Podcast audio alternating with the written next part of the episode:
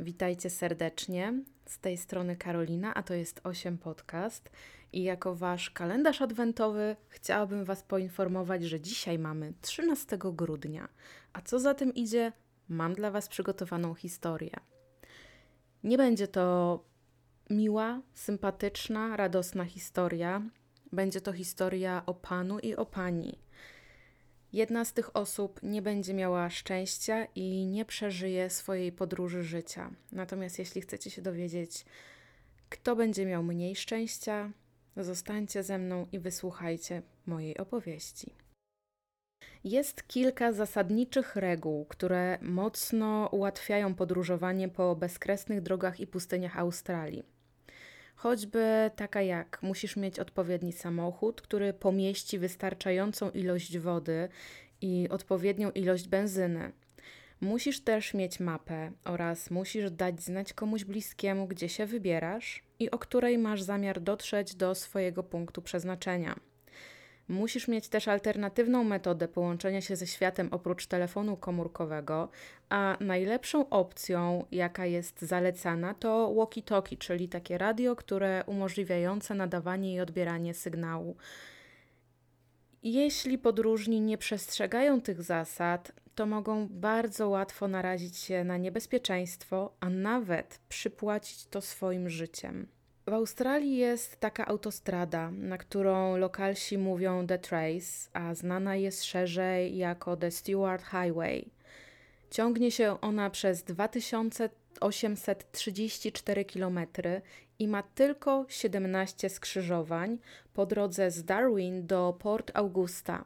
Do 2007 roku na The Trace nie było ograniczenia prędkości, a autostrada ta głównie służyła do przewozu różnego rodzaju dóbr, takich jak paliwo, wszelkiego rodzaju wydobywane rudy czy zwierzęta hodowlane.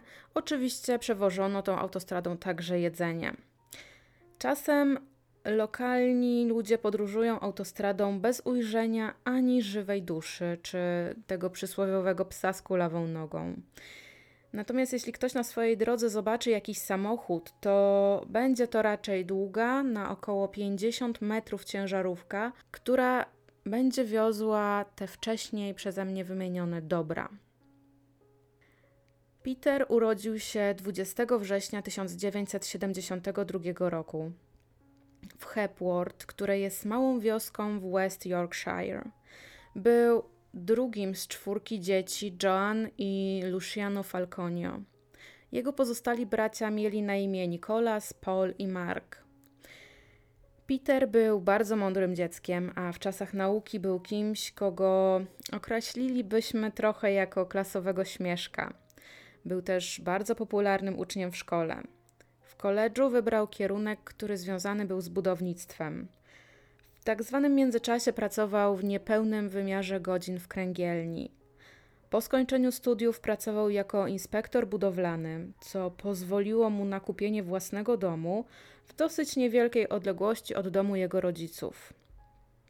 Joanne poznał w 1996 roku podczas weekendowej zabawy w klubie i odtąd, od momentu kiedy się poznali, to stali się nierozłączni. Joanne urodziła się 25 września 1973 roku i mieszkała z matką, ponieważ jej rodzice wcześniej się rozwiedli. Miała ona przyrodniego brata sama, bo jej mama po jakimś czasie związała się z niejakim Vincentem, który stał się później jej ojczymem. Joan Lis w młodości opisywana była jako szczęśliwe dziecko, ale z drugiej strony bardzo ciche i bardzo nieśmiałe.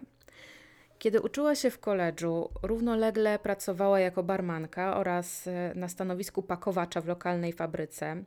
Później, kiedy skończyła studia, znalazła pracę w biurze podróży. Przez pewien czas razem z Peterem byli w tak zwanym związku na odległość, ponieważ mężczyzna chciał się jeszcze dokształcić, żeby móc więcej zarabiać. W związku z tym przeprowadził się na pewien czas z Hepworth do Northampton, a potem do Brighton, gdzie ostatnim punktem jego kariery naukowej było ukończenie Uniwersytetu w Brighton. Joan w tym czasie zdecydowała się zostać w Hepworth, więc dzielił ich dystans jakichś 250 mil. Wpływ na to miał także fakt, że matka Joan chorowała na artretyzm, tak więc dziewczyna chciała jej pomóc, ale że matka Joan żyła z Vincentem, więc po jakimś czasie e, Joan przeprowadziła się do Petera do Brighton. Agencja turystyczna, w której pracowała, była to agencja Thomas Cook. Miała także swój oddział w Brighton, tak więc dziewczyna bez żadnych większych przeszkód mogła się wyprowadzić i zamieszkać z Peterem. Będąc razem, zwiedzili kilka miejsc. Byli we Włoszech, byli w Grecji, na Jamajce. Mieli w sobie taki głód podróży i chęć zwiedzania całego świata. Tak więc w roku 1998 zaczęli planować coś, co ja nazywam podróżą życia, czyli e, ich miejscem docelowym miała być Australia. Rodzice obojga byli nieco poddenerwowani tym faktem, ponieważ między 1989 rokiem a 1993 w tamtych rejonach grasował Iwan Milat, który pozbawił życia kilku turystów, tak więc Australia wtedy nie cieszyła się raczej dobrą opinią. Dodatkowo w 1996 roku w Port Arthur na Tasmanii miała miejsce strzelanina w kawiarni The Broad Arrow, której dokonał Martin Bryant i pozbawił tam życia 20 osób. Ostateczny bilans jego strzelaniny to było 35 osób, ponieważ e, poszerzył obszar swojego, że tak się wyrażę, działania w cudzysłowie poza kawiarnią. Dodatkowo 23 czerwca 2000 roku Robert Paul Long, były pracownik The Children's Palace Backpackers Hotel, podłożył ogień pod budynek, co doprowadziło do śmierci 15 osób. No tak więc, jak możecie zauważyć, Australia nie cieszyła się w ogóle wtedy dobrą opinią. Niemniej rodzice nie mogli zakazać swoim dorosłym dzieciom wybrania się w tę podróż, więc prosili ich, by tylko nie zabierali autostopowiczów po drodze, którzy będą w jakiś sposób podejrzani i żeby troszczyli się o siebie nawzajem. Początkowo Peter i Joan mieli wyjechać w podróż latem, ale ponieważ Peter dostał propozycję dodatkowej pracy, to skorzystał z niej. I finalnie wyjechali z Anglii 15 listopada 2000 roku. I zrobili to z ogromną ulgą, ponieważ e, podobno w tym roku w Anglii lato było rekordowo mokre, lało, padało, mrzyło, sączyło się z nieba po prostu cały czas. Para planowała podczas urlopu być ciągle w drodze i zwiedzić jak najwięcej, tak więc pierwszym punktem ich podróży był Nepal. Potem udawali się do Singapuru, Malezji, Tajlandii. Mieli później wyruszyć do Bangkoku, ale zdecydowali, że zmieniają plan podróży i wybrali się zamiast tego do Kambodży. Kambodża to nie był ich najlepszy pomysł, ponieważ kiedy tam byli, e, drugiego dnia okazało się, że ktoś ukradł ich bilety powrotne oraz Joan zgubiła albo ktoś jej ukradł czeki podróżne. I te czeki podróżne to był wtedy taki środek płatniczy, który używali ludzie będący na wakacjach poza swoim krajem. Mogli sobie dzięki temu pozwolić na podróżowanie bez większej gotówki przy sobie. Taki sposób, był, e, taki sposób płatności był dosyć popularny w latach 80., 90., po czym został on powoli wypierany przez znane nam dzisiaj karty kredytowe i karty debetowe. No i właśnie nasza para podróżników nie miała przy sobie wystarczającej ilości gotówki, żeby kupić bilety powrotne, ale pomógł im inny podróżny, który kupił im bilety do Bangkoku. Kradzież zgłosili na policję, ale oczywiście niewiele to dało. Kiedy dotarli do Bangkoku, udało się im zorganizować pieniądze i mogli udać się w dalszą podróż do Australii. A był to 16 stycznia 2001 roku.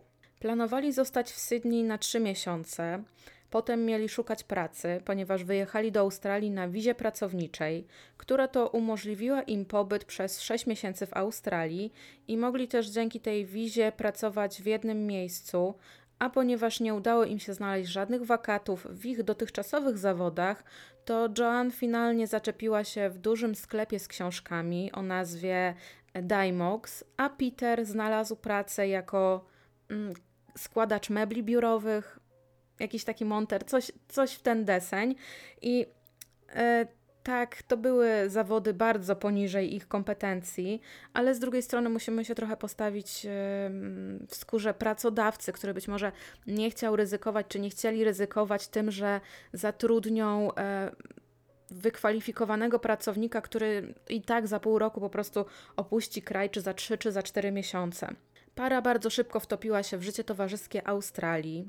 Joanne zaprzyjaźniła się z Amandą, która to pochodziła z Nowej Zelandii. Mieli bardzo dużo znajomych. Joanne nawet co czwartki chodziła ze znajomymi z pracy do hotelu The Cooper's Arms, żeby się tam odprężyć, a w każdy piątek e, Joanne razem ze swoimi współpracownikami uczęszczała do St. Patrick's Tavern w centrum Sydney. Tak więc myślę, że śmiało mogę powiedzieć, że ona korzystała z życia i dobrze się bawiła w Sydney. Peter natomiast zamiast imprezowym trybem życia był raczej zainteresowany planowaniem dalszej podróży. Początkowo para planowała zostać w Sydney tylko na trzy miesiące, jednak Joanne przedłużyła ten czas do pięciu miesięcy.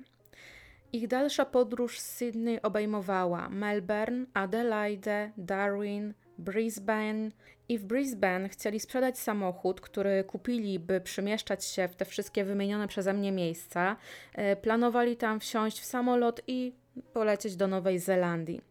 Samochód mieli kupić w miejscu o nazwie Travelers Car Market, które było miejscem w Sydney, gdzie podróżnicy mogli właśnie kupić albo sprzedać swój samochód w zależności od tego, w jaki sposób chcieli się dalej przemieszczać. Peter znalazł na Travelers Car Market pomarańczowy samochód, kombi, który mógł mieć na oko około 30 lat. Wyglądał dobrze jak na swój wiek i jak na swój wiek też miał e, niewielki przebieg e, kilometrowy, bo było to 136 tysięcy kilometrów. Tak więc para bez dłuższego wahania kupiła ten samochód. Zwłaszcza, że w środku miał swoje wyposażenie w formie lodówki, łóżka, w oknach nawet miał gustowne firanki. Był też zlew, była mała kuchenka na butlę gazową. No i samochód też nie kosztował zbyt dużo, bo 3000 dolarów, ale Peterowi udało się też stargować cenę do e, 1800. Peter był bardzo, bardzo, bardzo szczęśliwy, że kupił ten samochód, natomiast Joan nie podzielała tego entuzjazmu, ponieważ samochód przy osiągnięciu prędkości 80 km na godzinę trząsł się i trząsł wszystkim w środku niemiłosiernie i ona tego osobiście nie widziała, żeby mogli przebyć tym samochodem 5000 kilometrów ale Peter, tak jak wspomniałam wcześniej, był po prostu mega podekscytowany, był zadowolony, był szczęśliwy, że udało mu się taki samochód kupić. Ten samochód spełniał jego oczekiwania, więc zdecydował, że dokona tam lekkie modyfikacje w środku yy, i na zewnątrz. Yy, dokupił, wstawił samochodowi dodatkowe lampy, do środka wstawił mini safe na wartościowe rzeczy. Nauczeni wcześniejszym doświadczeniem stwierdzili, że to będzie bardzo dobra opcja. No i tak wyposażony samochód poniósł ich w dalszą trasę. 19 czerwca 2001 roku 22-letnia barmanka Julie, jadąc sama z Perth do Adelaide, zauważyła białą Toyotę z napędem na cztery koła, która zbliżała się do jej samochodu. Czuła się nieco zmęczona, ponieważ wypiła tego wieczora o troszeczkę za dużo alkoholu. Samochód ją wyprzedził i pojechał przed siebie. Kobieta niejako odetchnęła z ulgą, ale tylko do najbliższego punktu postoju dla ciężarówek, gdzie się zatrzymała. A owa biała Toyota już tam była. Julie zapoznała się z kierowcą i spotykali się na każdym kolejnym postoju, na którym kierowca białej Toyoty dzielił się z dziewczyną różni, różnymi specyfikami, e, które miał, wiadomo, w swojej małej skrytce. Dogadali się, że zatrzymają się oboje 200 km przed granicą północnej Australii, żeby odpocząć. Kiedy zaczęli nieco dłużej rozmawiać, okazało się, że mają wspólnych znajomych w Perth. A kiedy kierowca białej Toyoty zaczął przygotowywać się do spania, Julie zauważyła, że był świetnie wyposażony na każde warunki i też m.in. na ewentualność nocowania na trasie. Kiedy kobieta zaczęła opowiadać o swoich planach podróży, Mężczyzna przyglądał się jej w dosyć mocnym zamyśleniu. E, kobieta powiedziała mu też, że miała plan, by następnego dnia kupić jakiś nieduży pistolet do obrony, i wtedy właśnie mężczyzna wyciągnął swoją broń. Julie wystraszyła się mocno. E, I w zasadzie ten mężczyzna nie tylko pokazał jej broń, ale też wycelował w krzaki i wystrzelił. No i zapytał się jej, e, czy to tę broń może chciałabyś kupić. 25 czerwca 2001 roku Joan i Peter rozpoczęli swoją dalszą podróż z Sydney do Melbourne, a potem do Adelaide. Bardzo podobało im się w Adelaide. Odwiedzili m.in. plażę Glenelg, potem udali się w stronę Doliny Barossa, a potem do Snowtown. Przelotnie zatrzymali się też w Port Augusta, żeby uzupełnić zapasy i udali się w dalszą drogę. W tym samym czasie była tam też trójka innych brytyjskich turystów.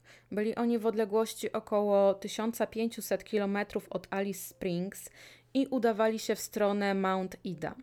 Jechali dużym kombi, e, z przodu siedziały dwie dziewczyny, a chłopak odpoczywał w pozycji leżącej na siedzeniu z tyłu.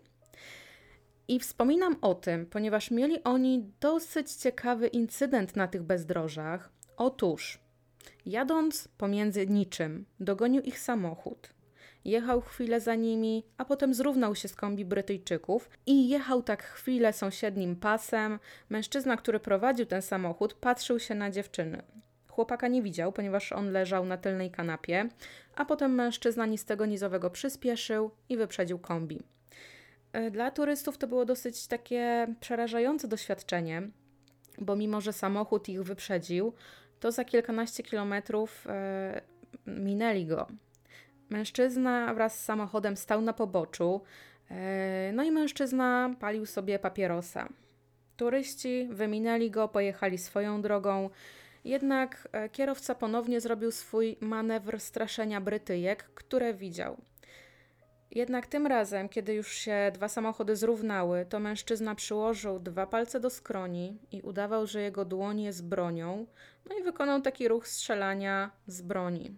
Taki wiecie, pff, no i dziewczyny wystraszyły się już na serio i poprosiły swojego kolegę, żeby się pokazał. Ten Brytyjczyk z tylnego siedzenia e, usiadł i kiedy dziwny mężczyzna z drugiego samochodu, kiedy tylko zobaczył tego kolegę, to po prostu odjechał.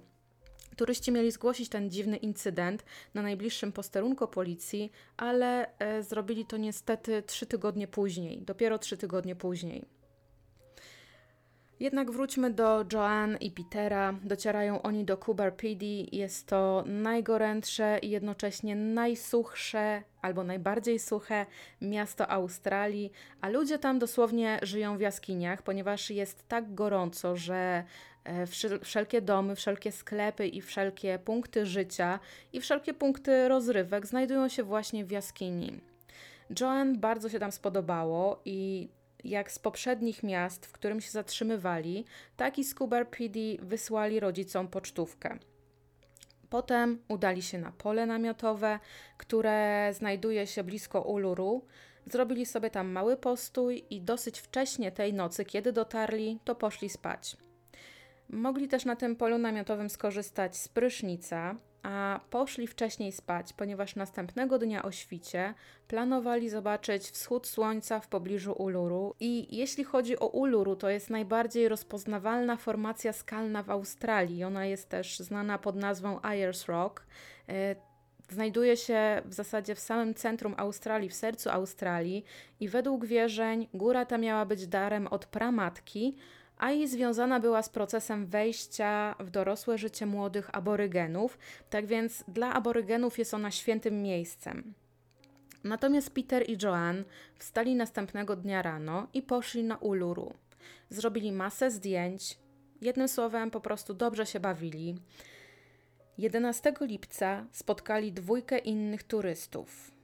Marka i Izabela. Mark i Izabela byli Kanadyjczykami i jak się okazało w trakcie rozmowy, dwie pary zaplanowały faktycznie, praktycznie taki sam schemat podróży po Australii, a kolejnymi punktami podróży miały być Kings Canyon i Alice Springs. Joanne w związku z powyższym zaproponowała Markowi i Izabel, żeby jechali z nimi do Kings Canyon, a potem oni podrzucą ich do Alice Springs. Alice Springs miało też być dla Petera i Joanne ostatnim miejscem dłuższego postoju, gdzie mogliby się bardziej ogarnąć, kupić prowiant na dalszą podróż, ewentualnie jakieś potrzebne rzeczy, ponieważ kolejnym przystankiem miało być oddalone o prawie 1500 km Darwin. Tak więc, kiedy rozstali się z Markiem i Izabel, zrobili wszelkie zapasy, podjechali do mechanika ze swoim kombi, ponieważ e, okazało się, że jeszcze podczas jazdy zarzuca ich samochodem na jedną stronę. Mechanik powiedział, że potrzebuje kilka dni na usunięcie usterki, tak więc Peter i Joanne udali się do Caravan Park, gdzie mieli właśnie przeczekać czas do naprawy samochodu. W tym też czasie skontaktowali się z rodzicami, opowiedzieli o swoich przygodach, o tym, że poznali parę Kanadyjczyków, którzy powiedzieli im, e, żeby zobaczyli Camel Cup, skoro są już w Alice Springs. A mała dygresja, Camel Cup to jest wyścig wielbłądów, który był organizowany od 1970 roku, co roku. E, no i wyścigowi temu towarzyszyły różne dodatkowe imprezy, jak na przykład konkurs piękności wielbłądów. Tak więc 14 lipca w sobotę Peter odebrał samochód, Potem spotkał się z księgowym, ponieważ Peter, jako że pracował w Sydney, rozliczał się tak jak każdy mieszkaniec, tak więc chciał mieć po prostu wyprostowane ewentualne nieścisłości księgowe. W tym czasie Joanne poszła do biblioteki, sprawdziła swoją skrzynkę mailową, no i para spotkała się około 10.30, zjedli wspólne śniadanie. Po posiłku Joanne zadzwoniła do swojej przyjaciółki Amandy i powiedziała jej, że wszystko, jeśli chodzi o podróż, to jest w jak najlepszym porządku, że mają w planach obejrzenie Camel Cup i potem wybiorą się w dalszą podróż do Darwin. Ich plan na dalszą podróż wyglądał tak, że z Darwin Peter miał lecieć do Papui Nowej Gwinei, a Joan planowała polecieć z powrotem do Sydney, by spotkać przyjaciół, których poznała, kiedy tam po prostu zaczęła pracować. Potem planowali spotkać się w Brisbane i razem polecieć do Nowej Zelandii. A w Nowej Zelandii mieli się spotkać z Amandą, z którą wcześniej rozmawiała Joanne. Także, tak jak powiedziałam wcześniej, podróż życia. Tak więc, kiedy Joanne skończyła rozmawiać przez telefon i opowiadać Amandzie szczegóły dalszej podróży, Oboje z Peterem udali się do biura podróży, żeby zabukować Joan bilet do Sydney. Potem poszli na Camel Cup i bardzo, bardzo dobrze się bawili. Trochę stracili poczucie czasu i dosyć późno zorientowali się, że jest już trzecia po południu, a do Darwin mieli no kilka dobrych godzin jazdy, a z tego co mi wiadomo, to oni nie chcieli na takie dystanse jeździć po zmroku. Niemniej szybko wrócili do Caravan Park, ogarnęli się najszybciej jak tylko mogli i zatrzymali się jeszcze tylko w Red Rooster, nim udali się w tę długą, długą drogę. A Red Rooster to jest taki australijski fast food, który specjalizuje się w podawaniu pieczonego kurczaka, a poza tym oczywiście burgery, frytki, szejki, czego dusza zapragnie. Ponieważ podróż mm, miała być dość długa, to podzielili się czasem i każde z nich miało początkowo kierować samochodem przez 3 godziny. Joanne miała zacząć i jednym z ważniejszych punktów postojowych to było zwiedzanie Devil's Marbles, które oddalone było od Alice Springs o jakieś 400 kilometrów, co dawało im 6 godzin jazdy do tego miejsca. Tak więc zdecydowali, że podzielą się kierowaniem samochodem po 3 godziny. Chcieli tam zobaczyć wschód słońca i taki był ich początkowy plan. Natomiast póki co Joanne zaczęła kierować przez swoje pierwsze trzy godziny, a Peter w tym czasie poszedł na tył samochodu, żeby się zdrzemnąć. Około godziny 18 dotarli do Tire Tree Roadhouse. 21 minut później zrobili szybkie zakupy, a około 19.30 przejechali przez bramki na Creek Road. Odkąd zaczęli swoją podróż, nie widzieli ani jednego samochodu po drodze, jednak to się miało teraz zmienić. Ten samochód wręcz oślepiał ich swoim światłem, swoimi światłami. Peter narzekał na to. Joanne odwróciła się, żeby coś wypatrzeć, ale niestety nie udało jej się. Była to bardzo podobna sytuacja jak z trójką angielskich turystów. Samochód zrównał się z kombi Petera i Joanne, a kiedy oboje popatrzyli na kierowcę samochodu, on robił jakąś masę dziwnych, dziwacznych, nieogarniętych, nieskoordynowanych min i gestów. Potem otworzył swoje okno pasażera w samochodzie i zaczął do nich krzyczeć. I jedyne słowo, które zrozumieli Peter i Joanne, było słowo wydech. Więc zdecydowali się póki co zjechać na pobocze i pozwolić e, temu mężczyźnie w samochodzie, żeby on ich minął. Mężczyzna jednak nie pojechał do przodu zbyt daleko swoją Toyotą. E, była to Toyota z napędem na cztery koła i też za chwilę zjechał na pobocze. Peter wyszedł z samochodu. Joanne była bardzo mocno wystraszona i powiedziała Peterowi, żeby uważał na siebie. Peter zostawił drzwi od strony kierowcy otwarte i powiedział Joanne, żeby ona siedziała w samochodzie i nigdzie się nie ruszała. Tak więc Peter poszedł do mężczyzny, żeby sprawdzić o co chodzi. Mężczyzna wskazał na kombi i powiedział, że widział iskry, które wystrzeliwały z rury wydechowej samochodu.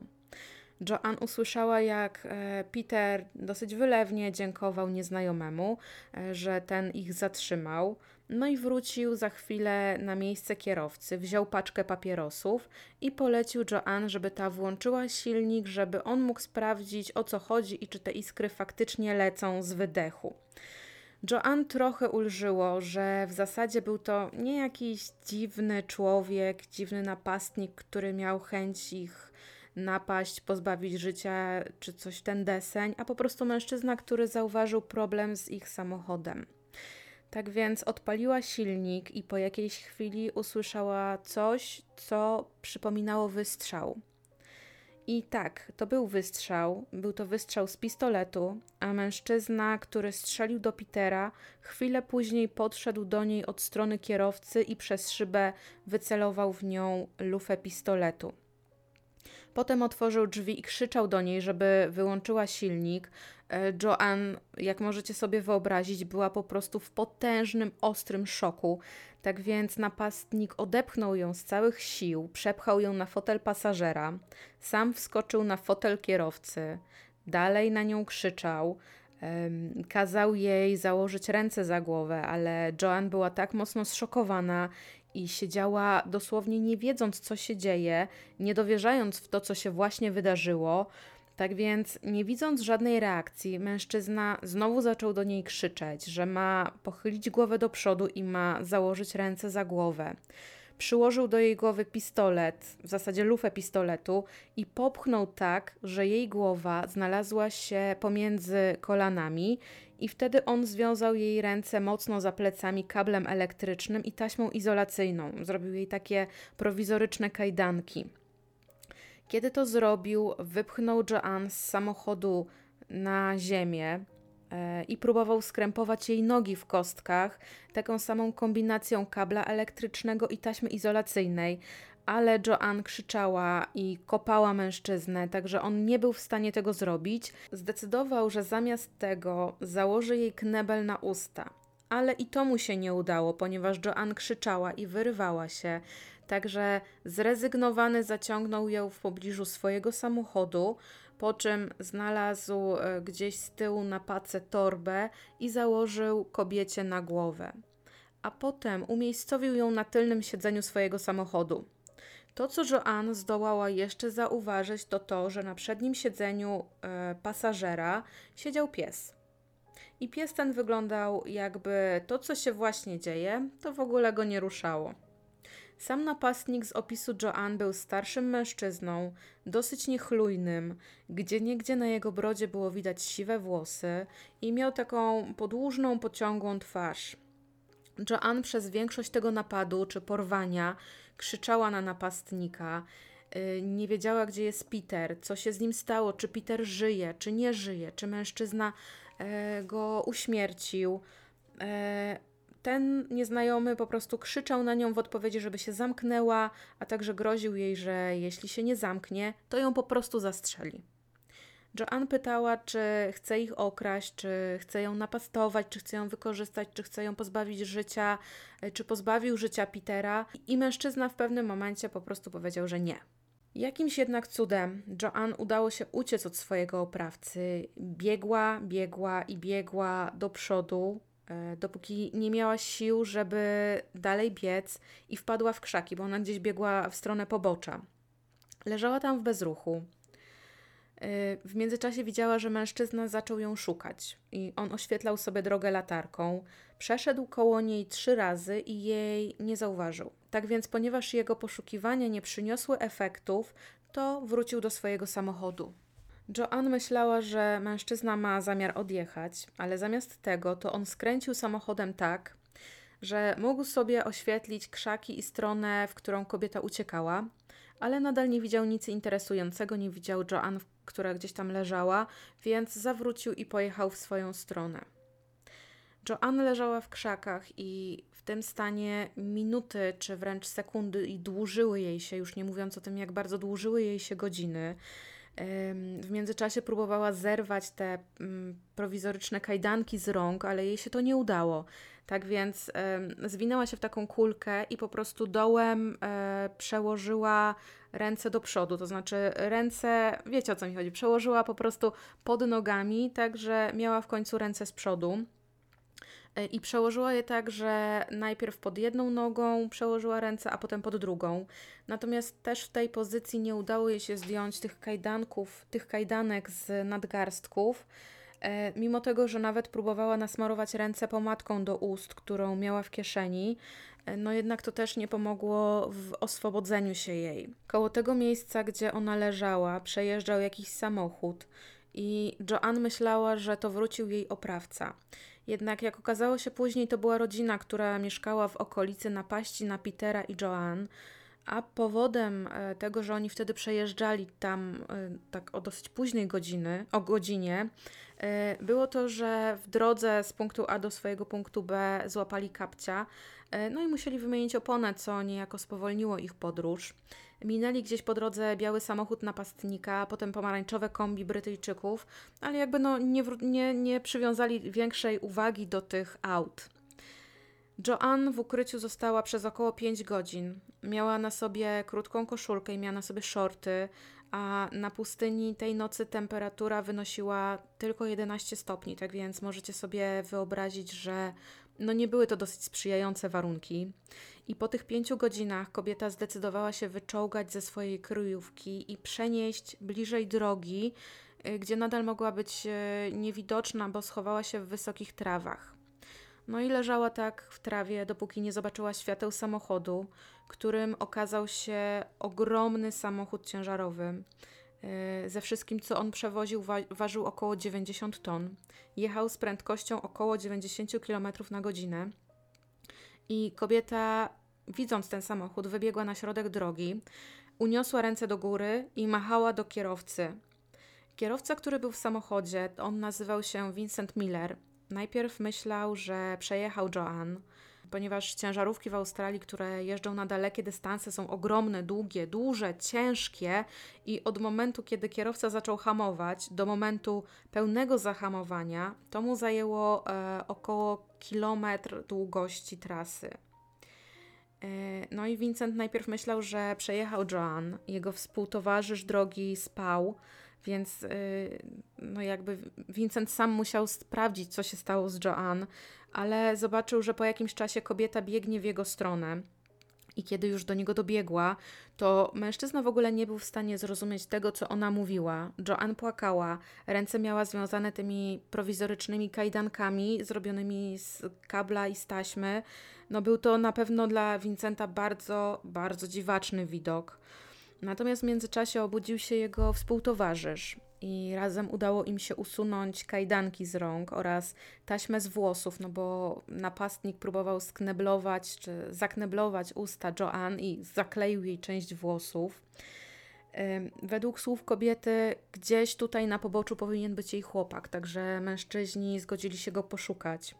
Natomiast w tym samym czasie mężczyzna, bardzo podobny do napastnika, e, według rysopisu Joanne, został uwieczniony na postoju dla ciężarówek, gdzie zatankował do pełna. Kupił lód, kupił mrożoną kawę i było to w Alice Springs. Zapłacił gotówką około 130 dolarów za wszystko, co zakupił, no i opuścił postój około e, za 10 pierwsza w nocy. Samochód, jakim się oddalił, był Toyotą Diesel Land Cruiser z nakryciem z prezentu w tylnej części. Około 1.30 Joanne wraz z Vincentem i jego kolegą dotarli do zajazdu Bear Oak Creek.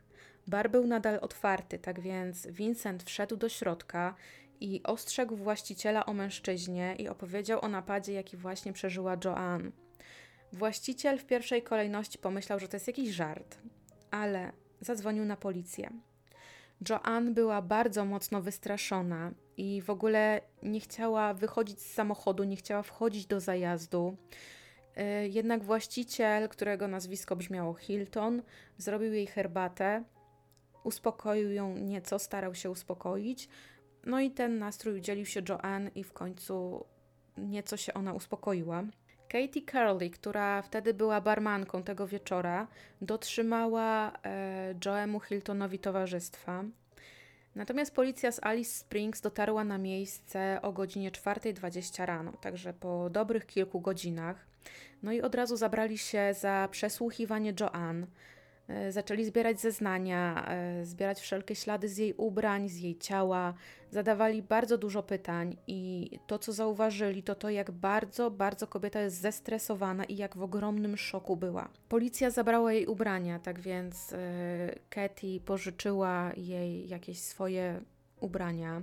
Vince Miller narysował policjantom dokładną mapę, która wskazywała skąd zabrali Joanne. E, sama Joanne opisała napastnika jako około 45-latka, dosyć wysokiego, z podłużną twarzą, z głęboko osadzonymi oczami. Miał on też zapadnięte policzki i spod czarnej bejsbolówki wystawały niechlujne włosy, czy niech, w sposób niechlujny, niechlujne włosy. E, miał sporo siwych włosów, nie tylko na głowie, ale też na brwiach, na wąsach, na brodzie. Natomiast jego wąsy opisała jako taki styl meksykański, opadające na końcach. Miał na sobie koszulę w kratę, a pod spodem ciemny t-shirt. Miał też mocno znoszone spodnie. Mm, Joanne określiła, że były to prawdopodobnie jeansy. O siódmej rano Northern Territory Police rozpoczęło poszukiwanie Petera oraz napastnika. E, przy autostradzie znaleźli kałużę krwi i później na podstawie badań DNA kałuża ta, e, ta krew została dopasowana do krwi Petera Falconio, funkcjonariusze znaleźli także pomarańczowe kombi zaparkowane przy drodze w odległości 80 metrów od kałuży. Zostały sprawdzone też wszelkie punkty kontrolne na autostradzie. Nie przyniosło to żadnego efektu. Tak jakby Peter zapadł się po prostu pod ziemię. E, I tak samo napastnik jego. Na autostradzie zorganizowano 12 blokad drogowych e, do granicy północnej Australii do Queensland, do zachodniej Australii. E, skontaktowano się też z każdym ranchem po drodze, e, po drodze oczywiście tych rozstawionych blokad. Jedyne miejsce, które nie zostało zablokowane to Tannery Road. Śledczy badający miejsce zbrodni z Alice Springs przybyli do zajazdu Bear Oak Creek, żeby dokładnie przesłuchać Joanne, zrobić zdjęcia, nakręcić na taśmę wideo jej obrażenia. E, śledczy wzięli też e, wszelkie możliwe wymazy z jej ciała. W miejscu zbrodni, dwa kilometry we wschodnim i zachodnim kierunku, e, śledczy przeszukiwali teren. Dosłownie kijami przeczesywali krzaki w poszukiwaniu jakichś śladów, chociażby Petera, ale znaleźli tylko i wyłącznie ślady stóp Joan. Śledczy Bruce Grant i ośmiu innych funkcjonariuszy stwierdzili, że czas przeszukać okolice z wykrywaczem metalu. No i szukali przez sześć kolejnych dni, i to, co znaleźli, to nic nie wniosące, nieznaczące jakieś śmieci. Dopiero kolejne przeszukanie, które zostało dokonane trzy miesiące później, pozwoliło znaleźć balsam do ust, który należał do Joanne, a balsamem tym czy pomadką próbowała smarować nadgarstki, żeby zdjąć z nich te prowizoryczne kajdanki nałożone przez napastnika. Znaleziono też fragmenty taśmy klejącej, policja prosiła o pomoc aborygeńskich tropicieli, ale oni nie mogli z kolei dotrzeć na to miejsce przez kilka dni. Joanne w ogóle nie otrzymała pomocy medycznej przez kilka dni po zdarzeniu. Nie udzielono jej y, żadnego wsparcia dla ofiar, żadnej konsultacji psychologa. Nikt nie doradził Joanne, co powinna, a czego nie powinna mówić prasie. I Finalnie po tym zdarzeniu e, Joanne udzieliła tylko jednego wywiadu e, i to był wywiad e, udzielony w momencie, kiedy była jeszcze cały czas w zajeździe Bear Oak Creek. Policja z Northern Territory nie wierzyła Joanne od początku. Uważali, że jej historia jest tak niebywała, że nie byli pewni, czy to, o czym ona w ogóle mówi, to naprawdę się wydarzyło. Nie pomagało też to, że historia Joanne co jakiś czas się zmieniała w szczegółach, ale to z kolei zrzucono na karb stresu, bo kobieta, no umówmy się, przeszła ogromny stres, a Oprócz właśnie tej jednej kałuży krwi, to po Peterze nie było w ogóle śladu. Jeśli tego jeszcze nie wspomniałam, to ciała Petera nie znaleziono do dzisiaj. Przez 10 dni Joanne milczała, po czym zwołała konferencję prasową, w której poprosiła wszystkich o pomoc. Natomiast e, miała ona na sobie tak dosyć niefortunnie taką różową koszulkę z napisem Chicky Monkey, czyli e, w tłumaczeniu na polski bezczelna małpka, co no, nie zbudowało jej dobrego wizerunku w oczach odbiorców. Ale to mogło wynikać z faktu, że, tak jak wspomniałam wcześniej, policja zabrała prawie wszystkie jej ubrania, tak więc kobieta no, nie miała się w co ubrać i pożyczyła po prostu to, co, to, co założyła po prostu to, to, co ktoś jej na pewno dał.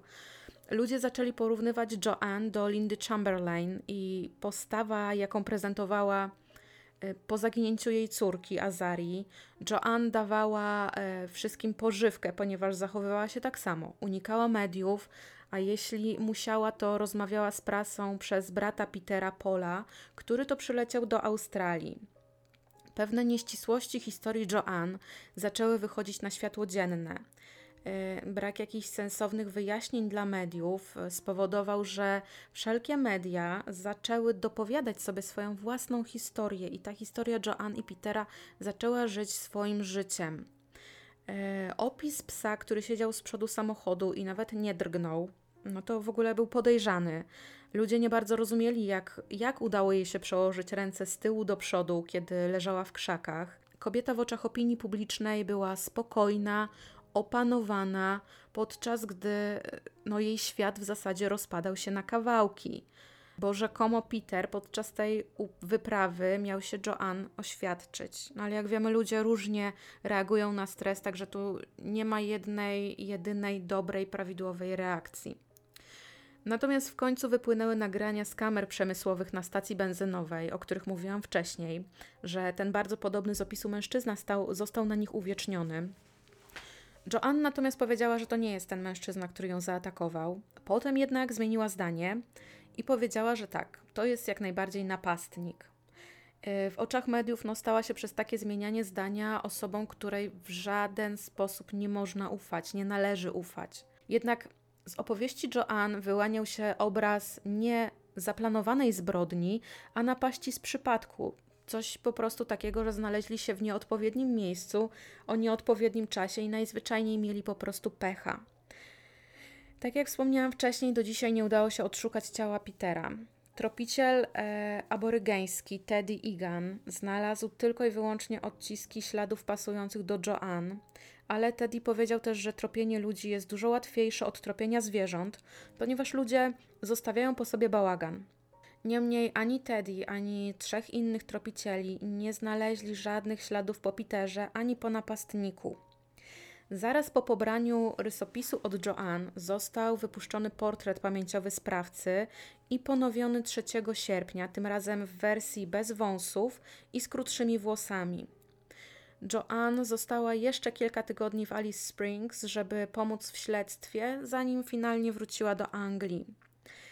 Jednak zanim wyjechała z Australii, miał miejsce pewien dziwny, dziwaczny incydent.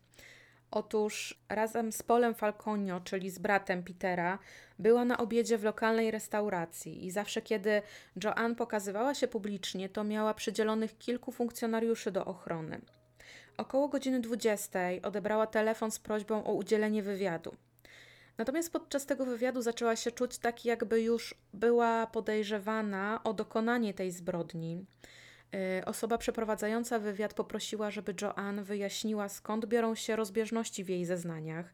No i dla kobiety stało się jasne, że ktoś, kto ją przepytuje, stara się za każdą cenę wycisnąć z niej przyznanie się do winy, a na końcu usłyszała, że Osoba prowadząca chce mieć zakończenie tej historii dla rodziny Petera i czy Joanne e, nie może powiedzieć, gdzie jest jego ciało.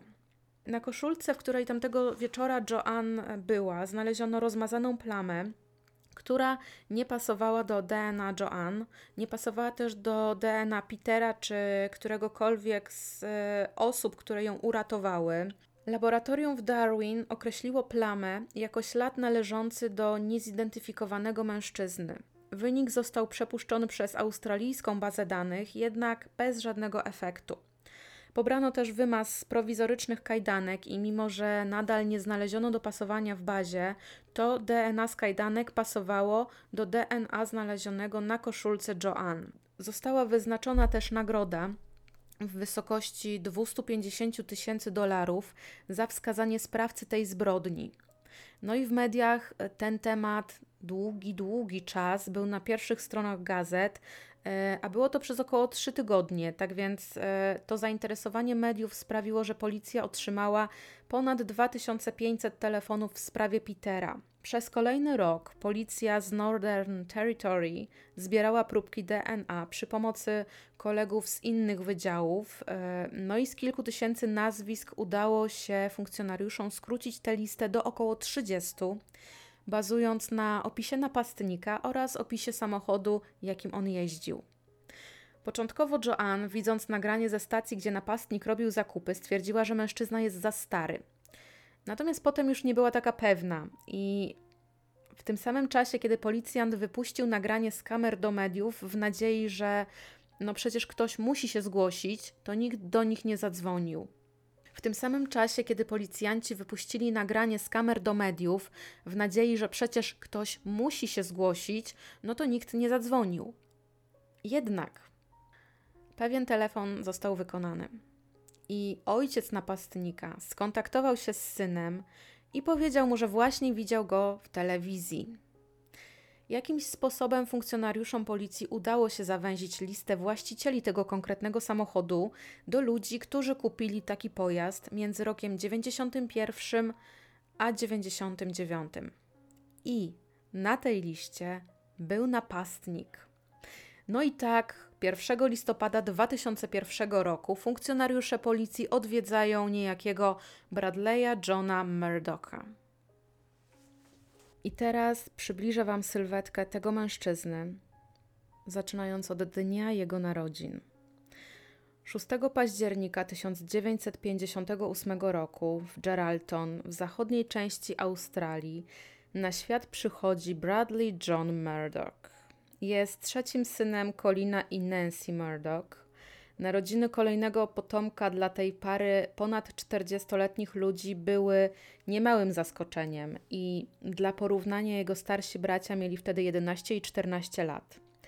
Jeden z braci miał na imię Robert, a drugi to był Gary. Trzymają się razem i nie poświęcają zbyt dużo czasu swojemu najmłodszemu bratu. Robert urodził się z defektem i miał jedno ucho i był dosyć chorowitym dzieciakiem. I to na tyle, że dzieciństwo spędził w szpitalach i poddawany był różnym zabiegom i operacjom. Ojciec z zawodu jest mechanikiem i opisywany jest przez swoich sąsiadów jako cichy, spokojny, w którego zdolności nikt nie śmiał wątpić. Colin był w stanie naprawić wszystko. Matka jest fryzjerką, a żeby móc pracować, to zamienia kuchnię i łazienkę w salon fryzjerski. Wczesne lata dzieciństwa Bradley spędza w Northampton, mieście, w którym są dosłownie trzy puby na krzyż i tyle samo kościołów. Bradley był dzieckiem sprawiającym masę problemów i kiedy, i kiedy tylko zaczął dorastać, stał się dość buntowniczy z charakteru i zaczął sprawiać jeszcze więcej kłopotów. Sam czuł się niczym czarna owca w rodzinie. Od początku wiedział, że musi być twardy, żeby przetrwać w otaczającym go świecie. W szkole był typem, którego mogłabym określić jako bully, czyli taki tyran. To będzie, wydaje mi się, słowo, które najlepiej opisuje jego zachowanie, ponieważ on męczył, pastwił się nad młodszymi, nad słabszymi i bardzo często wdawał się w bójki. W wieku lat 12 przenosi się razem z rodzicami do Perth Zmiana miejsca jednak niewiele pomaga, bo Bradley dołącza do lokalnego gangu rowerowego. W wieku 15 lat rzuca szkołę i przenosi się z powrotem do Geraldton. Wtedy już nadużywa napojów wyskokowych, wszelkich substancji psychoaktywnych. No i niedługo po jego powrocie do Geraldton jego starszy brat Robert umiera. To dosyć mocno wpływa na Bradley'a, który staje się jeszcze bardziej mm, zakapiorowaty, jeśli mogę tak powiedzieć. I Bradley ma coraz więcej zatargów z prawem, a pod koniec lat 70. zostają mu postawione zarzuty w związku z użyciem broni palnej. W roku 1980 zostaje oskarżony o spowodowanie wypadku ze skutkiem śmiertelnym. Prowadząc samochód, uderza w motocyklistę, który niestety tego uderzenia nie przeżyje. Bradley prowadził wędrowny tryb życia, a ponieważ w młodości lubił przyglądać się ojcu, który naprawiał samochody, no to dało mu to pewien fach w ręku, jak to u nas się mawia. W tym samym roku odwiedza Garego i jego żonę Pamelę i poznaje tam Diane, siostrzenicę Pameli. No i w przeciągu roku Diane przenosi się razem z Bradleyem na przedmieścia Perth. No bo młodzi oczywiście mieli się ku sobie i coś tam ze sobą zaczęli e, świrować, że tak się wyrażę. Bradley miał swój własny mały biznes związany z ciężarówkami, jednak w roku 1983 ogłosił bankructwo firmy. 14 lipca 1984 roku Bradley i Diane w końcu się pobrali. Dwa lata później na świecie pojawia się ich syn, ale wkrótce po pojawieniu się dziecka ich małżeństwo ulega rozpadowi. Murdoch nie mógł sobie poradzić z nową rzeczywistością i zaczął znikać na całe dnie. Kiedy ich syn miał 18 miesięcy, Bradley uderzył swoją żonę. I nie wiadomo, czy to był pierwszy raz, czy kolejny, jednak dla kobiety to było takie, wiecie, dosyć, odchodzę i odeszła, opuściła go na dobre. Jak wspomniałam wcześniej, on wolał prowadzić takie życie podróżnicze i dosyć ciężko odnajdował się w roli męża, w roli ojca, takiego człowieka, który ma obowiązki od A do Z. Jeden z członków organizacji pozarządowej, że tak się wyrażę, i wybaczcie, ale muszę nieco obejść tę nazwę, ale wiecie o co chodzi, zaproponował Bradleyowi pracę na ciężarówkach, e, a Bradley nie odmówił. Widział siebie jako nieustraszonego, niepokonanego, jeźdźcę autostrad z bronią przy boku, ponieważ musiał ją mieć, ponieważ nigdy nie wiadomo było, kogo spotka na swojej drodze na bezkresach Australii. Oczywiście Murdoch nie przewoził dóbr, o których wspomniałam na początku. To znaczy, przewoził dobra, ale to były pieniądze i rośliny zielone. W tamtych czasach dla przewoźników takich jak Murdoch to były bardzo łatwe pieniądze. On potrafił podróżować nawet 16 godzin ciężarówką, a jeśli pojawił się jakiś problem, to yy, zaczął on być znany jako odpowiedni człowiek, żeby naprostować każdą sytuację. Przez 15 lat znajdował się dużo poniżej policyjnych radarów, był skupiony na pracy, był skupiony na zarabianiu pieniędzy. I żeby utrzymać organizm w stanie ciągłego pobudzenia, na zmianę faszerował się różnymi specyfikami i popijał to alkoholem.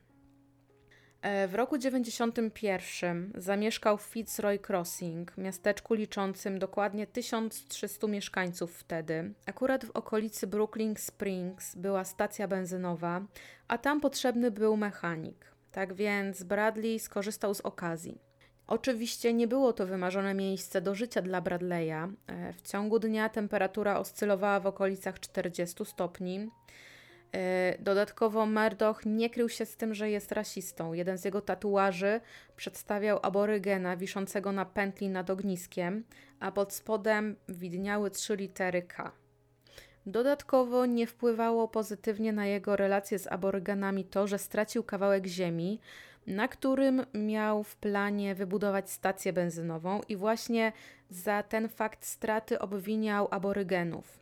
10 listopada 1995 roku Bradley został postawiony przed sądem za strzelanie do grupy aborygenów, którzy świętowali zwycięstwo lokalnej australijskiej drużyny piłkarskiej. Było to 20 sierpnia i zanim Murdoch zaczął strzelać, odwiedził swoją ulubioną spelunę Fitzroy Lodge. Kiedy już nie dał rady tego wieczora pić więcej, stwierdził, że czas udać się do domu jednak został poinformowany przez lokalnych funkcjonariuszy, że dziś musi pojechać objazdem, ponieważ droga jest zablokowana przez świętujących aborygenów. Tak więc, wkurzony na maksa, wrócił do domu, zabrał swoją broń i wrócił na miejsce, gdzie świętowali lokalsi. Przyznał się do winy i przyznał się do posiadania kradzionej broni, ale utrzymywał, że chciał tylko nastraszyć grupę, do której strzelał, E, on został oskarżony o posiadanie pistoletu Magnum 22 z celownikiem optycznym i posiadanie karabinu samopowtarzalnego. Obie bronie miały wcześniej zostać skradzione. Finalnie został skazany na 21 miesięcy więzienia, z czego odsiedział 15 i został wypuszczony za dobre sprawowanie. Przeprowadził się na chwilę do Derby, by w 98 roku osiąść w Brum, miasteczku nad morzem. Nadal pracował w przewozie ciężarówkami tych wszelkich dóbr na dalekie dystanse. Oficjalnie oczywiście woził rzeczy dozwolone, natomiast w ciężarówkach były wszelkiego rodzaju zbudowane schowki, w które upchane były te mniej legalne rzeczy. Te środki, które woził ze sobą, pomagały mu zasnąć, inne trzymały go w stanie pobudzenia podczas długich godzin jazdy. Dodatkowo Murdoch był jak marynarz, który w każdym porcie miał inną kobietę, a każda z tych kobiet opisywała go jako bardzo dobrego mężczyznę. Wracając do Brum, to miasteczko bardzo pasowało Bradleyowi, bo tam nikt o nic go nie pytał, a jedyne rozmowy, jakie były prowadzone, to takie gadki szmatki, jak to ja na to mówię. W każdym razie przyjaciel e, brata Bradleya, Duffy Elliot, pozwalał mieszkać Bradleyowi w przyczepie kempingowej na terenie jego posiadłości. A przyjaciel ten miał psa, boksera, którego Bradley bardzo polubił i traktował wręcz jak swojego psa. Murdoch dosyć szybko stał się znany w Brum, głównie ze swoich zdolności do naprawiania samochodów. E, on bardzo kochał swój samochód i ciągle w nim dokonywał jakichś poprawek, e, co oczywiście nie umknęło uwadze Duffiego, a e, Bradley miał białą Toyotę Land Cruiser z napędem na cztery koła. W samochodzie tym była fałszywa podłoga, co dawało mu możliwość szmuglowania różnych nielegalnych substancji pod nią, za siedzeniem kierownicy stworzył sobie schowek, miał powiększony zbiornik paliwa, co z kolei pozwalało mu na podróż dłuższą nawet o 1800 km niż bez tej modyfikacji. Jego system pracy wyglądał tak, że przez kilka miesięcy był nieustannie w trasie, przewoził różne dobra, a potem znikał na kilka dni urlopu, podczas którego łowił ryby, no i się relaksował. Poznał też pewną kobietę, Beverly Allen, która wkrótce stała się jego dziewczyną, taką oficjalną dziewczyną, a to wkrótce to było w okolicach października 2000 roku. E, no i e, Beverly opisywała Bradley'a jako bardzo łagodnego, wielkiego mężczyznę, ponieważ Murdoch miał 2 metry bez 4 centymetrów. Nigdy nie zadawała mu żadnych pytań o powody jego nieobecności, o to, co wozi w ciężarówce, a on też sam z siebie rzadko zwierzał się, gdzie bywał. W lokalnym barze Murdoch był znany z tego, że nie wdawał się w rozmowy, ale witał się z każdym.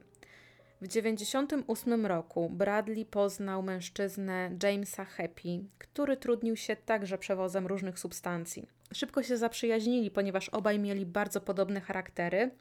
E, mianowicie lubili, kiedy robota była zrobiona dobrze i szybko. Happy przedstawił nowego przyjaciela swojej żonie, córce oraz e, innemu swojemu przyjacielowi i wszyscy bardzo polubili Brada. Nawet dostał od nowych przyjaciół szczeniaczka w typie dalmatyńczyka, kiedy okazało się, że Bradley stracił swojego ukochanego boksera. Piesek ten dostał na imię Jack, no i Jack i Bradley stali się nierozłączni, a mężczyzna zrobił nawet psu wygodne posłanie na miejscu pasażera, kiedy wyruszali w dalekie podróże. Biznes, jaki Murdoch prowadził z Jamesem Happy, kwitł i głównie dlatego, bo mężczyźni znali masę objazdów e, albo masę skrótów, co pozwalało im nadgonić transport i uniknąć e, wszelkich kontroli drogowych. 14 lipca 2001 roku rano Bradley przybywa do Alice Springs po nocy spędzonej na kempingu przy rzece Finkel, która to była oddalona o 125 km na północ. Był w trakcie swojego zwyczajnego tripu po Australii i jechał w stronę Broome. Przybył do Alice Springs o 10.30 rano i pierwsze co zrobił, to odwiedził e, fast food Red Rooster, Potem umył samochód, później sobie urządził szybkiego grilla i udał się na stację benzynową, żeby zatankować. Około 13.30 kupił plastikowy pojemnik na paliwo, a o 14.00 uzupełnił zapasy jedzenia w lokalnym supermarkecie. Finalnie opuścił Alice Springs pomiędzy 15 a 15.30 po południu, żeby skierować się w stronę Broome. Tak więc, skoro już macie delikatny obraz nakreślony o tym, kim był pan Bradley Murdoch, to teraz wracamy do 1 listopada 2001 roku. Bradley grzecznie i uprzejmie rozmawia z funkcjonariuszami policji. Według nich ani sam Murdoch, ani jego pojazd nie pasują do opisu sprawcy, jaki podała Joanne. Funkcjonariusze zebrali też informacje od rodziny Happy'ego, u której mieszkał Bradley, czy mężczyzna był wtedy w Brum, kiedy wydarzyła się zbrodnia i wszyscy zgodnie potwierdzili, że nie było go z nimi.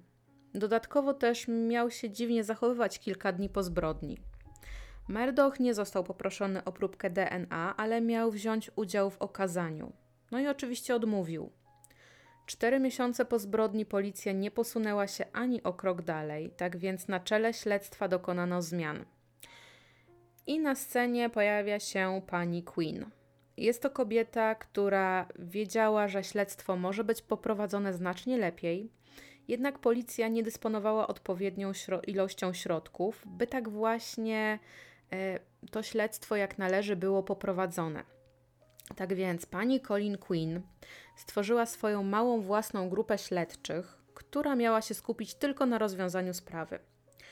Pierwsze co zrobili, to na podstawie nagrań, zdjęć i wcześniejszych zeznań zebrali listę osób pasujących do opisu oraz listę samochodów pasujących do opisu. Jeszcze raz przebadali scenę zbrodni. Colin była bardzo mocno zaangażowana w tę sprawę i traktowała ją bardzo osobiście. Kiedy pojechała ze swoim zespołem na właśnie to miejsce zbrodni i poprosiła wszystkich, żeby odjechali, e, no i kiedy była tam tylko ona i tylko mm, ona i pustynia, to mówiła później, że czuła się tak samotna i tak bezbronna, że chciało jej się płakać.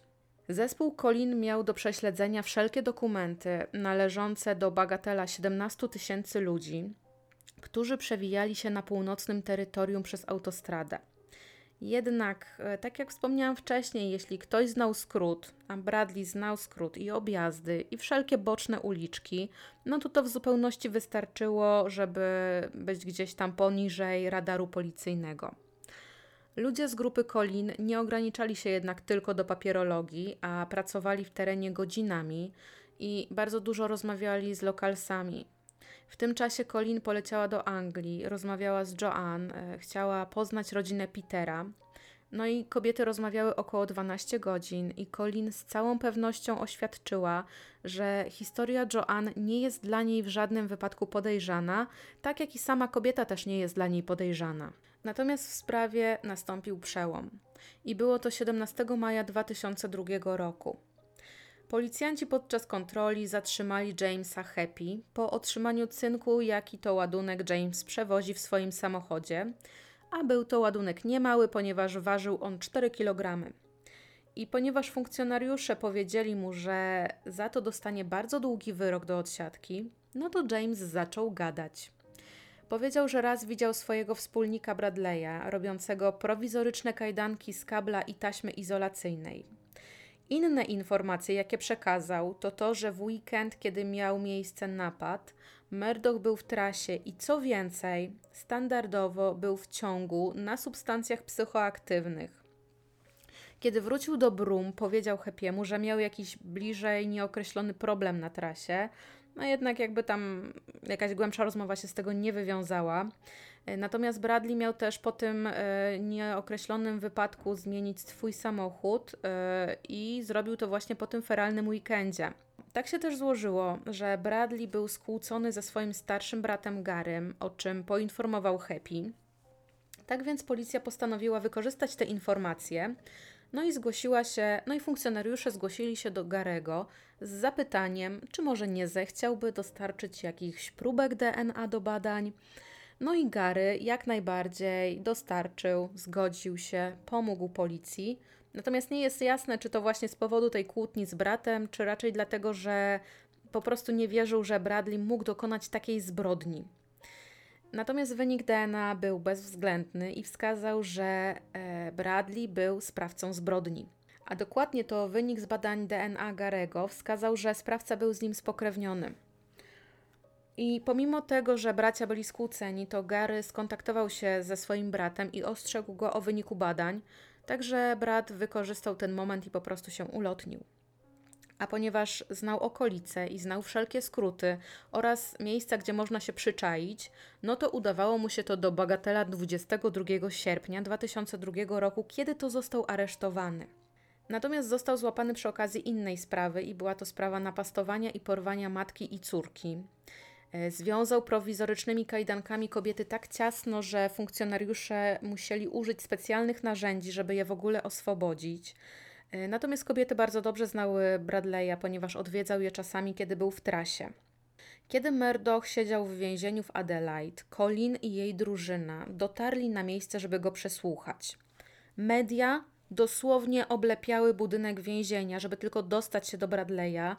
Natomiast, żeby się tam dostać, to trzeba było przejść przez e, troje drzwi, które były bardzo pilnie strzeżone. W listopadzie 2002 roku wyznaczeni funkcjonariusze polecieli do Anglii, żeby pokazać Joanne 12 zdjęć podejrzanych mężczyzn, w tym i właśnie Bradley'a. Po poinstruowaniu przez funkcjonariusza, jak ma dokonać identyfikacji, ona wskazała bez zastanowienia mężczyznę numer 10, a pod tym numerem krył się właśnie Bradley Murdoch. Próbki DNA zostały wysłane do Anglii, a badaniem ich zajął się dr John Whitaker. I użył on wtedy nowej metody, zwanej analizą niskiej liczby kopii DNA. I to, co udało się dowieść śledczym w Australii, to to, że DNA pobrane z koszulki Joanne dokładnie, bez żadnych zastrzeżeń pasowało do DNA Bradley'a, ale nie byli oni w stanie połączyć jego DNA ze śladami na prowizorycznych kajdankach, ponieważ tych śladów na kajdankach było za mało. E, I to właśnie dzięki tej nowej metodzie dr Whitaker e, połączył DNA z kajdanek e, z DNA Merdocha. Także mam nadzieję, że to jest w miarę, w miarę nie zamotałam za bardzo. Dzięki nowej metodzie dr Whitaker połączył DNA Merdocha z DNA skajdanek. Także z wymazów pobranych z pomarańczowego kombi dr Whitaker był w stanie wywnioskować, że wszelkie ślady należą do Bradley'a. W tym czasie w Australii Murdoch został uniewinniony z zarzutu napastowania oraz porwania kobiety oraz jej 12-letniej córki. Jednak natychmiast został aresztowany za zbrodnię na Peterze Falconio oraz próbę porwania Joanne. No i został przewieziony do więzienia w Darwin. W 2004 roku świadkowie zostali wzywani do składania zeznań i zaczęto gromadzić dowody przed rozpoczęciem procesu. Prokuratura Północnej Australii zatrudniła specjalistę od Public Relations, żeby sprawić, że prokuratura i całe śledztwo będzie wyglądać bardzo profesjonalnie. Natomiast y, zainteresowanie mediów sprawą było ogromne i budynek Sądu Najwyższego na terytorium północnej Australii w związku z tym został odnowiony, co kosztowało y, bagatela 900 tysięcy dolarów. Jeśli chodzi o oficjalne zeznania, to pojawiło się dwoje świadków, którzy twierdzili, że 22 lipca 2001 roku widzieli Petera w towarzystwie innych ludzi tydzień po zbrodni dokonanej przez Merdocha na turystach z Wielkiej Brytanii. E, I tymi ludźmi, którzy zeznawali, to był Robert Brown i Melissa Kendall. Twierdzili, że widzieli Petera w Berg w Nowej Południowej Walii, a miasto to jest oddalone o około 2000 do 2500 km od miejsca, gdzie Falconio był ostatni raz widziany. Rozpoznali go ze zdjęcia, jakie było wtedy opublikowane w gazecie. Natomiast ta para pracowała na stacji benzynowej i Peter miał podróżować z innym mężczyzną oraz psem e, i mieli oni jeździć ciemnym samochodem. Robert e, zanotował dziwny, taki nieaustralijski akcent, ale jak zeznał, nie był wtedy w stanie dopasować, do jakiej on narodowości mógłby pasować.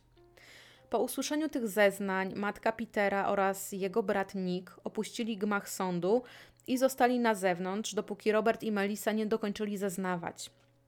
Rzekomo Peter miał być nie tylko z mężczyzną i z psem, ale też z drugim mężczyzną i z kobietą, którzy zachowywali się podczas tankowania samochodu mm, tak, jakby nie chcieli zostać zauważeni. Zaparkowali gdzieś z boku budynku i musieli dosyć mocno rozciągnąć wąż do nalewania paliwa, żeby ten wąż sięgnął do wlewu. Melisa zeznała, że po zapłaceniu za wszystko ludzie ci nie wyjechali na główną drogę, ale skierowali się na jakąś boczną dróżkę w stronę Brisbane. Wyglądało to tak, jakby nie chcieli zostać namierzeni, bardzo, bardzo nie chcieli. I policjant, który za pierwszym razem zbierał zeznania pary, to w ogóle ich wyśmiał i zaczął rzucać e, jakimiś niewybrednymi żartami o Elvisie e, i że Elvis żyje i że to, co oni mówią, to jest w ogóle fałszywy trop. Natomiast zeznania te doprowadziły do powstania teorii spiskowej, jakoby Peter Falconio miał problemy finansowe i właśnie dlatego zdecydował się na sfingowanie swojej własnej śmierci. A plotki te dodatkowo zostały pobudzane przez doradcę podatkowego, który rozliczał Petera, kiedy ten pracował w Australii i twierdził, że Peter nie zapłacił należytego podatku. No ale czy ta kwota mm, podatku za pracę od 3 do 6 miesięcy to była e, aż taka ogromna, że e, Peter musiałby fingować swoją własną śmierć? No raczej Peter nie pracował na jakimś mega wysokim stanowisku i nie zarabiał tam kokosów. Niemniej plotka puszczona przez agenta no, zaczęła żyć własnym życiem. Natomiast scenariusz ten był bardzo na rękę i bardzo w Tommy graj dla obrońcy Bradley'a Murdocha. Dowodził on, że para Brytyjczyków zjechała z autostrady, żeby spotkać się z mężczyzną, który to mężczyzna miał pomóc w fingowaniu śmierci Petera. E, Joanne miała też e, małą tajemnicę, bo kiedy pracowała w Sydney, przyznała, że przekroczyła granicę zwykłej przyjaźni z pewnym mężczyzną o imieniu Nick ale miała zakończyć znajomość z tym mężczyzną. Przyznała się do tego bratu Petera w 2001 roku, ale nie chciała o tym mówić e, rodzicom Petera.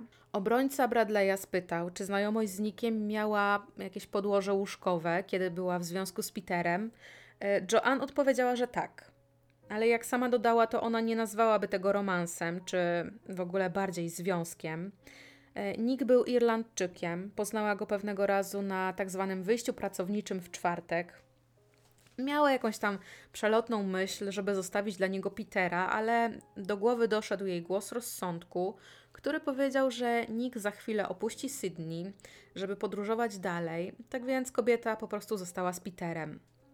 Natomiast Nick w międzyczasie stworzył lewy adres mailowy i posługiwał się imieniem Steph, żeby Joanne mogła z nim mailować bez żadnych podejrzeń ze strony Petera, czyli Steph, czyli pewnie od Stefanii. Joanne zaprzeczyła też, jakoby miała się z Peterem w ogóle pokłócić w Alice Springs, czy żeby mieli się w ogóle rozstać. Media oczywiście z radością podchwyciły temat romansu Joanne. E, ona sama została zapytana o to, czemu zmieniła zeznania, jeśli chodzi o rasę psa, który siedział w samochodzie napastnika.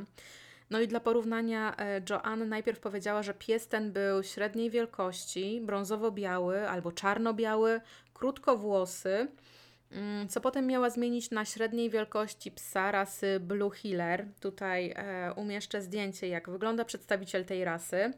E, miał to też być pies krótkowłosy. Natomiast Joanne wytłumaczyła to w taki sposób, że kiedy po napaści była już bezpieczna i siedziała w zajeździe i rozmawiała z barmanką Katy, to właśnie Katy miała takiego psa, który był bardzo podobny do psa napastnika. No i jak się później okazało, to był właśnie pies rasy Blue Heeler. Okazało się później, że pies Bradley'a to Dalmatinian Blue Heeler, czyli krzyżówka dwóch ras, Dalmatyńczyka i Australian Cattle Dog. Też tutaj zamieszczę Wam zdjęcie tego pieska, żebyście mieli podgląd na rasę, jak, jak ten piesek wygląda. Finalnie sąd zdecydował, że e, posiada wystarczająco dowodów, żeby proces mógł się rozpocząć. I data rozpoczęcia procesu została wyznaczona na 17 października 2005 roku. Sam proces trwał 8 tygodni i zeznawało w nim 85 świadków. Joanne zaprezentowała się mediom z innej strony niż zaraz po zaginięciu Petera. Była uśmiechnięta, miała głowę podniesioną wysoko do góry, nigdzie nie kryła się w kątach, nie uciekała, nie unikała prasy. Bradley Murdoch oficjalnie nie przyznał się do zbrodni na Peterze, nie przyznał się do napaści i nie przyznał się do próby porwania Joanne. Siedział on za szklaną szybą w towarzystwie dwóch funkcjonariuszy, którzy nie odstępowali go nawet na minutę. Joanne zidentyfikowała Merdoka i powiedziała ze szczegółami, jak wyglądała tamta noc, kiedy mężczyzna strzelił do Petera, a potem chciał ją porwać.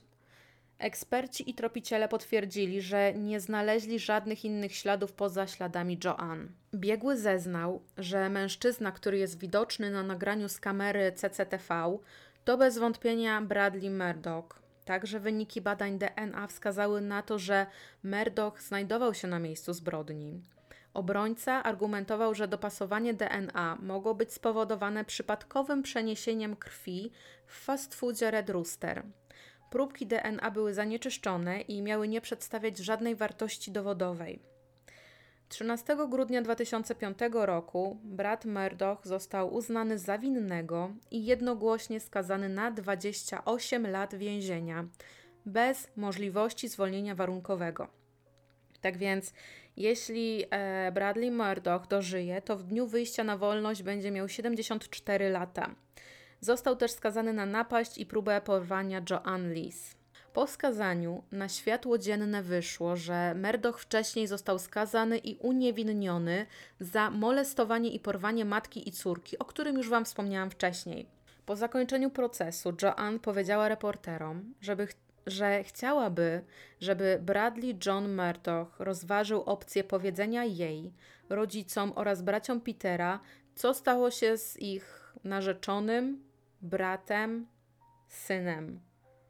12 grudnia 2006 roku Murdoch złożył apelację. Twierdził, że kobieta rozpoznała go na zdjęciu z okazania, ponieważ zasugerowała się widzianym wcześniej jego zdjęciem w gazecie. Apelacja została odrzucona. W 2013 roku Murdoch złożył kolejną apelację. Ta także została odrzucona. W 2006 roku miała też wypłynąć informacja, jakoby brat był uczulony na kurczaka, na co miał mieć zaświadczenie lekarskie, co miało go jednoznacznie eliminować z wizyty w Red Rooster. Rok później media spekulowały, że Bradley ujawni miejsce pochowania ciała Petera, w związku z tym, że nie odpowiadały mu warunki w więzieniu Berry Mach i dzięki tej informacji zażąda przeniesienia do więzienia w Australii Zachodniej. Natomiast e, sam Murdoch zaprzeczył tym rewelacjom. W kwietniu 2011 roku stacja NT News otrzymała anonimowy list, w którym widniała informacja, że Murdoch przeciął ciało Petera na pół, po czym obie części umieścił w dużych torbach i miał poprosić wspólnika o rozpuszczenie obu części w kwasie i pozbycie się resztek w rzece Swan w. Jednak wspólnik miał się nie zastosować do wytycznych Merdoka i miał zakopać torby gdzieś na pustyni Australii Zachodniej. To anonimowe pismo zostało przekazane policji. W roku 2005, kiedy nadal toczył się proces Merdoka, ukazał się film Wolf Creek. Reklamowany był on jako oparty na prawdziwych wydarzeniach, natomiast sąd wydał zakaz upubliczniania go. Jednak film miał ten być inspirowany finalnie inną zbrodnią według reżysera.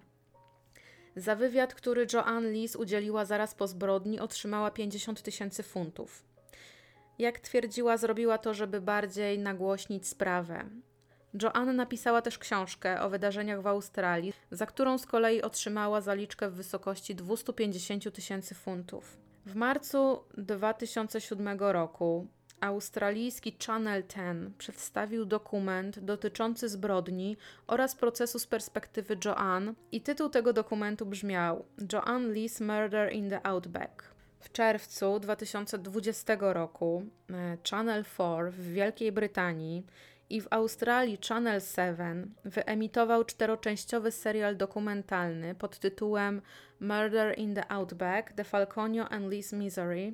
Kit Alan Noble, autor książki z 2011 roku pod tytułem Find Falconio, twierdzi, że Peter nadal żyje i autor ten oferuje nagrodę w wysokości 250 tysięcy funtów każdemu, kto pomoże udowodnić, że tak właśnie jest. E, autor ten twierdzi, że proces był pokazowy, ława przysięgłych została wprowadzona w błąd, a w więzieniu finalnie siedzi niewinny człowiek. Natomiast faktem jest, że Petera Falconio, czy też jego samego, czy też jakiś jego szczątek nie znaleziono do dnia dzisiejszego.